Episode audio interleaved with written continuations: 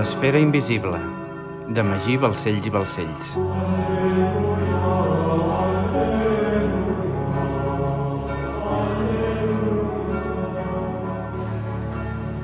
Capítol 9.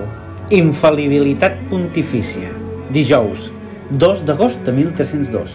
Roma. Estats pontificis. L'astre rei queia per darrere la terra, després d'un dia calorós en extrem, dibuixant un cel intensament vermell que es transformava en turquesa de forma progressiva, per difuminar-se al final a l'immens blau celeste. El so de les cigales inundava aquella ciutat menjada per les plantes i arribava una brisa del mar que refrescava les tòrries taulades, escampant al mateix temps una forta olor d'algues provinent d'un tíber estancat, brut i escanyolit per la sequera. Arnau de Vilanova, després d'un dia intens de treball, es dirigia al laterà per veure el Sant Pare. En quatre mesos havien forjat una bona amistat i tot sovint Arnau el visitava i sopaven junts en una extensa terrassa mentre parlaven dels problemes de la Santa Seu. Els seus treballs sobre la pólvora havien progressat molt. Un cop desxifrada la composició exacta i fetes les oportunes proves, ja estaven en disposició de començar a fabricar-la. Bonifaci encara no li havia dit el lloc exacte on ho farien. Arnau només sabia que seria fora dels estats pontificis i que tindria a la seva disposició un equip de 20 franciscans molt instruïts i un cos de 100 serfs per la feina bruta. Quan va arribar al laterà, Arnau es va dirigir a la planta més alta. Al capdamunt d'aquell immens edifici reformat per Sergi III hi havia una petita terrassa adossada a la gegantina basílica. A la terrassa hi havia una taula preparada per quatre comensals. Arnau va veure un home d'esquena a la barana de la terrassa, mirant l'espectacle crepuscular romà. Al moment, l'home es va girar. Fra Ramon Llull. Instantàniament, Arnau va saber que el sopar d'aquella nit seria sumament interessant. No es veien des del dia de l'explosió dels aquaductes, i des de llavors havien passat moltes coses. Ja tornes a ser aquí, va dir Arnau a Fra Ramon, tot abraçant-lo. No pots estar-te quiet en un lloc més de dos mesos? Eh, ja em coneixes, va contestar Ramon. Què? Com va la pólvora? Doncs la veritat és que hem progressat bastant. Aviat començarem a fabricar-la, va contestar Arnau. De sobte, Bonifaci VIII va fer acte de presència, acompanyat del seu inseparable gat i d'un home que Ramon i Arnau desconeixien. Us presento a Gil de Roma, va dir el papa. És un honor, va dir fra Ramon, allargant la mà. Els vostres escrits sobre política són una autèntica delícia. Gil de Roma era un eremita agustí, teòleg i filòsof especialitzat en lògica, però, per sobre de tot, un ferm romanista. Havia estat alumne de Tomàs d'Aquino i els seus escrits en defensa de la monarquia divina del papat com a sistema ideal de govern havien acaparat l'atenció d'Europa sencera. Un cop estaven tots asseguts gaudint d'un fresc vi de la Toscana i de la brisa marina, Bonifaci va dir «Us he reunit aquí, fidels companys, perquè em dongueu la vostra visió sobre com procedir amb el rei de França. És intolerable, va dir Gil. L'hauríeu de deposar. Al llarg de la història, el papat ha deposat fins a tres reis de França. Eh, no em tremolaria el pols augmentar fins a quatre, però crec que encara no estem en aquest punt, va dir Bonifaci. Amb tots els meus respectes, santedat, va dir fra Ramon Llull. Felip IV i els nobles de França us han acusat d'heretge. És un atac directe contra el successor de Crist, una heretgia en tota regla. Eh, crec que sí que hem arribat a aquest punt. El conflicte de Bonifaci VIII amb Felip IV de França era l'última conseqüència d'una antiga i llarga pugna pel domini universal entre els dos poders que es disputaven el domini mundi, l'Església Universal i el Sacre Imperi. En teoria, el poder espiritual representat pel papa i el temporal representat per l'emperador del Sacre Imperi havia de ser el sistema mitjançant el qual es proporcionés l'harmonia necessària als homes per la conquesta del destí etern però a la pràctica, dos poders intentaven esgarrapar-se prerrogatives mútuament. El conflicte havia nascut en ple segle X, quan els emperadors es van atribuir el dret a investir els bisbes de l'imperi, fet que anava en contra de la llei, la traducció i el costum, i que va donar lloc a la querella de les investidures, un conflicte entre la llei divina i la llei humana que es va estendre amb rapidesa per Europa, polaritzant a la societat en dos bàndols rivals, Guelfs i Gibelins. Els guelfs eren els partidaris de la supremacia del pontificat, mentre que els gibelins eren els partidaris de la supremacia imperial. Els noms provenien de les dues nissaques alemanyes candidates al tron imperial. La casa Welf de Baviera, defensors del papat, va donar nom a la causa dels Welfs, mentre que la casa Hohenstaufen de Suàbia, senyors del castell de Beiblingen, defensors de l'imperi, va donar nom a la causa gibelina. Es tractava, doncs, d'un enfrontament entre el poder civil i l'eclesiàstic sobre a qui competia el domini del clergat. Quan les interferències i influències del papat van aconseguir l'elecció dels Welf com a emperadors, semblava que el conflicte s'havia acabat, però pocs anys després, els Hohenstaufen van aconseguir ser elegits i la venjança gibelina no es va fer esperar. La sang de la guerra es va vessar sobre Itàlia. La Guerra Civil va dividir i assolar el nord de la península itàlica, en aquells temps part del Sacre Imperi, i les seves ciutats es van postrar un bàndol o altre indistintament. Així, Florència, Milà i Màntua van abraçar la causa guelfa, mentre que Forlì, Pisa, Siena i Luca es van unir a la causa imperial. Malgrat que la majoria dels regnes cristians van intentar restar neutrals al conflicte, alguns, tenint en compte que suposava una oportunitat pels seus interessos, es van aliar a un bàndol o altre amb l'objectiu de fer créixer el seu poder. França, que era el segon regne més important d'Occident per darrere del Sacre Imperi, va optar per la causa guelfa, amb la pretensió d'aixoplugar-se sota l'Església per convertir-se en el primer regne cristià. La corona de Catalunya i Aragó, a causa dels seus llaços familiars i a l'enemistat amb França, va optar per la causa gibelina. Mitjançant l'aliança amb el papat, el regne de França va reforçar el seu poder enormement. El papat li va regalar la croada càtera i tota Occitània va deixar d'estar sota la protecció de la Casa de Barcelona per passar a ser propietat dels capets, els reis de França. A més a més, anys després, l'aliança franco-pontifícia va propiciar la Guerra de Sicília i la croada contra la corona d'Aragó, que, tot i la derrota a Huelfa, va aconseguir expulsar els Hohenstaufen del regne de Nàpols, territori que va passar a mans dels Anjou, una branca col·lateral dels capets. França, enormement beneficiada de la seva aliança amb el papat, va aconseguir els importants ports provençals i el regne de Nàpols, i estava molt a prop de convertir-se en el més important dels regnes cristians. Però per aconseguir-ho, li calia enfrontar-se contra el Sacre Imperi. Felip IV de França ho hauria fet de bon grat, però la seva ambició i aires de grandesa eren tan desmesurats que anaven molt més enllà i apuntaven directament al papat, ja que l'actual pontífex romà recolzava el projecte Rex Bellator de Ramon Llull i estava a favor de Jaume II de Catalunya i Aragó com a candidat. Si Jaume II triomfava, França no esdevindria el primer regne cristià. Tenint en compte tot això i l'odi que Felip IV de França tenia als catalans per la mort del seu pare en la humiliant derrota del coll de Panissars, el rei Capet tenia set de venjança. Si Felip IV aconseguia subjugar a Roma, dominaria Occident sencer i el Sacre Imperi, Anglaterra, Castella i la corona d'Aragó no tindrien més remei que genollar-se als seus peus i sotmetre's a la seva voluntat de posar el rei de França? va preguntar Arnau. Eh, perdoneu la meva ignorància en termes polítics. Eh, ja sabeu que jo em moc més en el món acadèmic. Eh, podeu explicar una mica de què va tot això?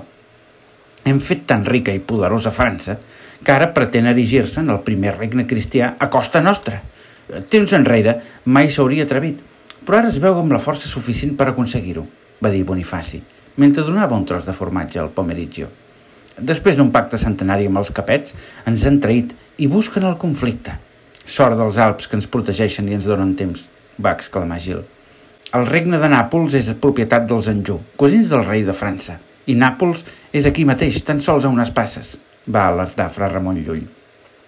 Però, què ha fet exactament Felip de França? va preguntar Arnau. Felip IV, explicava el papa, es va entestar en el seu dia a imposar un tribut per al sosteniment de la guerra, Eh, però pretenia carregar-lo també sobre el clergat, i així ho va fer. Eh, jo mateix vaig emetre una bulla, Clericis Laicos, on prohibia sota pena d'excomunió que cap clergue pagués res a un sobirà sense l'autorització de la Santa Seu, eh, però de res va servir. El rei de França, entestat a buscar el conflicte, va detenir un bisbe que s'havia negat a pagar per jutjar-lo, sumant així una altra desobediència, ja que només el papa pot jutjar els bisbes. Llavors vaig emetre una altra bulla intentant apaivagar la situació, però els ministres de Felip IV la van cremar i la van falsejar, fent córrer per tota França una butlla falsa, on es deia que tots els francesos eren uns heretges. Com comprendràs, des de llavors la majoria de francesos voldrien veure'm mort. Davant d'aquesta mentida del rei francès, he convocat tots els bisbos francesos a un concili, però el rei s'ha avançat i ha reunit a tots els nobles i homes importants del seu regne a París, on m'han declarat heretge. És evident que Felip busca el conflicte, va dir Arnau, intentant acontentar a Bonifaci. Però no li podem donar aquest regal, va sentenciar Bonifaci. Hem de mantenir bones relacions amb França. No podem perdre el port de la Rochelle. És de vital importància pels nostres plans. Per què no el podem perdre? va preguntar ingenuament Arnau. Perquè el necessitem, va cridar Bonifaci. Allà fabriquem l'aigua règia i allà és on també haurem de fabricar la pólvora. Si el rei ens nega el lliure pas pels seus dominis, com connectarem els ports de Marsella i Cotlliure amb la Rochelle d'Aquitània? Arnau, per primer cop va saber on fabricaria la pólvora, però va parar més atenció a l'aigua règia que cap altra cosa. L'aigua règia era una solució altament corrosiva de color groc, una mescla d'àcid nítric i àcid clorhídric concentrat molt perillosa i inestable. Es tractava de l'única mescla capaç de dissoldre l'or i els metalls nobles. Aigua règia? va preguntar Arnau, encuriosit. També fabriqueu aigua règia? Per què? Això no importa ara. Estem parlant del rei de França, va sentenciar el papa. I si no preteneu de posar-lo ni excomunicar-lo, què preteneu fer? va preguntar Gil. Un ultimàtum en forma de butlla, promulgada i pronunciada sense que ell ho esperi a totes les esglésies de la cristiandat de forma simultània, va respondre el papa. Una butlla que posi a Felip IV entre l'espasa i la paret, una butlla que posi de manifest la nostra propietat sobre la totalitat del poder. El papa, en virtut del poder de les claus concedit per Crist a Sant Pere, és el propietari del primat monàrquic i jurisdiccional sobre tots els regnes cristians i, per tant, tots els poders terrenals, tots, estan sotmesos a la sobirania pontifícia. Eh, perdoneu, santedat, deia Gil, però crec que una butlla en aquest sentit no faria més que greujar el conflicte. En cap cas, Felip IV es sentirà obligat a acceptar-ho, perquè a canvi li oferirem un regal que no podrà rebutjar, va dir Bonifaci. Un regal, santedat? va preguntar Fra Ramon Llull. Els meus informadors m'han dit que Jacques de Molay ha estat alliberat, explicava Bonifaci. L'home dels somnis premonitoris? va dir Gil, fent befa. Aquest sí que és un heretge. No us borreu del gran mestre, va dir el papa. El creieu profeta? li va preguntar Gil. Crec que no hi és tot, va contestar el papa. I com ens pot ajudar un home que no hi és tot i que cada dia està més allunyat de la doctrina de l'Església? Li va preguntar Gil. La corona francesa deu grans quantitats de diners als templers, va afirmar el papa, i el gran mestre podria condonar-li part del deute a canvi que Felip cessi en les seves pretensions. Si, a més a més, Jacques de Molay fes creure al rei de França que està d'acord amb la creació d'un rex bellator que hereti els templers i que confia en Felip IV com el millor candidat, el rei de ben segur deixarà de tocar els collons i acceptarà la butlla. Però vos seguiu defensant la candidatura de Jaume II de Catalunya i Aragó, no? va preguntar Fra Ramon, alertat. En política, sempre ha estat usual canviar de bàndol en funció de les circumstàncies. En aquest cas, França sempre s'havia declarat guelfa i Catalunya més aviat gibelina. Però la política de Felip IV i la consolidació del domini sobre la Mediterrània d'Aragó havien canviat la sort. França, per la seva política, s'havia proclamat defensora del gibalisme i Catalunya, que podia exercir de contrapès davant França a causa del seu control sobre el Mediterrani, estava ara més interessada a mantenir bones relacions amb la Santa Seu. Per aquesta raó, Bonifaci VIII veia més bons ulls que el Rex Bellator recaigués en Jaume II més que no pas en Felip IV, qui podia esdevenir en aquest cas més poderós que l'emperador. Evidentment jo defenso Jaume II, va respondre Bonifaci, mentre mirava com el gat s'enlairava per la taulada. Però si Felip IV creu que el gran mestre i el papa recolzen la seva candidatura, no tindrà més remei que portar-se bé amb l'Església. És només una estratègia per guanyar temps. Eh, enviarem una missiva a Xipre per combinar Jacques de Molay a venir a Roma per parlar amb nosaltres. Després l'enviarem a París a parlar amb el rei de França. Preteneu enganyar Felip IV? va preguntar Gil. Ha traït el nostre pacte, no es mereix menys, va respondre Bonifaci. Aneu amb compte amb el rei de França, deia Gil. Ho dic per experiència. El conec molt bé i estic segur que si s'adona que l'heu enganyat, entrarà en còlera i la seva violència no es farà esperar. Felip té a la seva disposició els millors espies i confidents i no se li escapa res. A més a més, Felip s'ha envoltat de gent que us odia. Eh, no us en refieu. Tot el dia volta amb Nogaret i els Colonna. Els Colonna són la púrria més rastrera que existeix, va dir el papa, ple de ràbia i mirant a l'infinit. Els Colonna eren una poderosa dinastia romana d'on havien sorgit diversos pontífecs al llarg de la història. El seu arbre genealògic es remuntava en el temps fins al mateix naixement de la ciutat eterna. La seva prepotència i ambició de poder per dret de sang els feia sentir inspirats per la providència divina i actuaven amb petulància i sense pietat i perdó per recuperar el que els corresponia. Afirmaven ser descendents de Teofilacta, de Teodora, de Marògia i fins i tot de la gens Júlia. Per tant, descendents també d'August, Juli Cèsar, Caius Marius, Eneas, Anquises i la mateixa deessa romana Venus.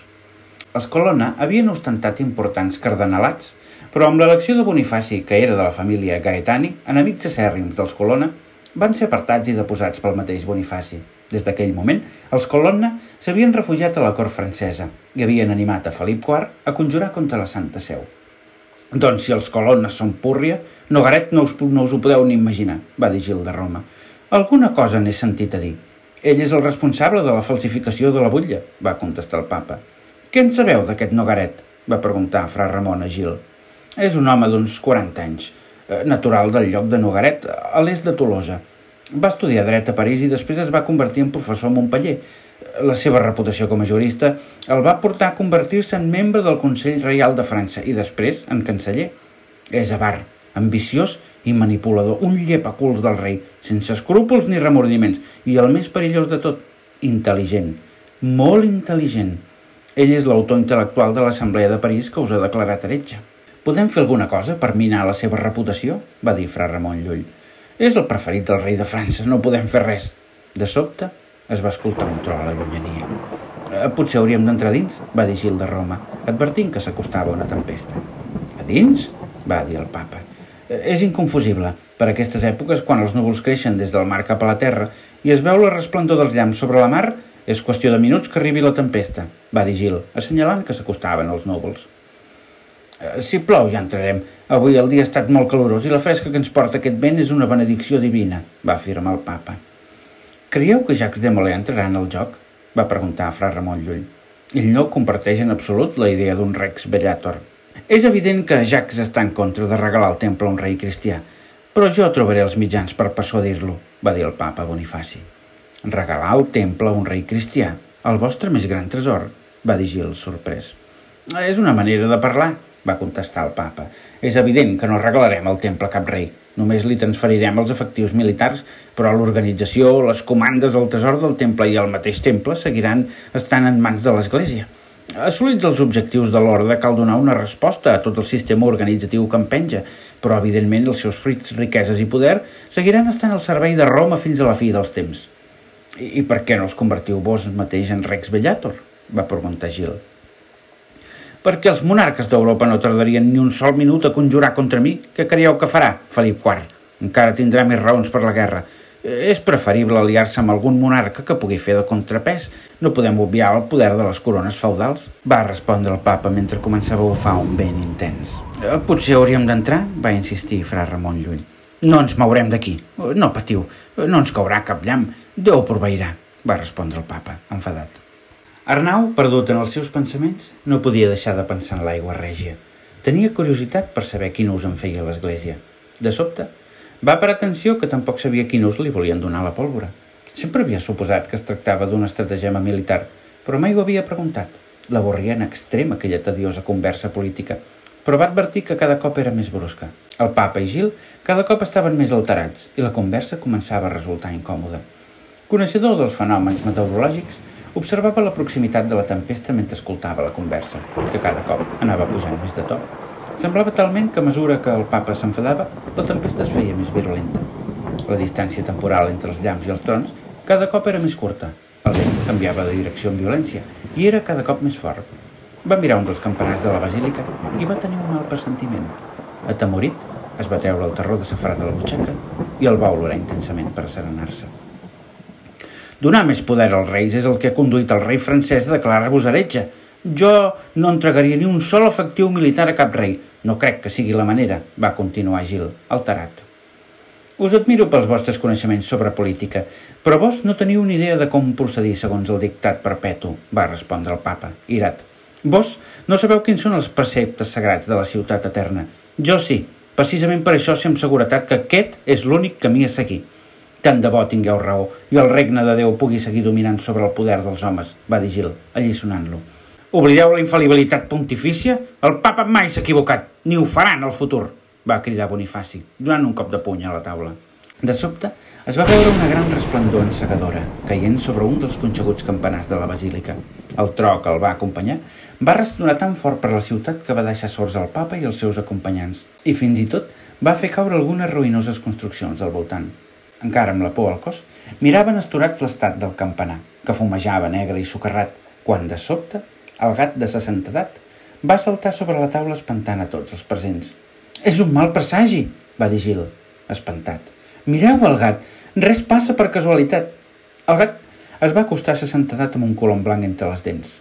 Quan va ser davant del papa, el va deixar suaument davant seu i el colom es va dessagnar mentre feia bruscs moviments espasmòdics, tacant la sotana blanca del papa de sang i provocant un atac de pànic a Gil de Roma.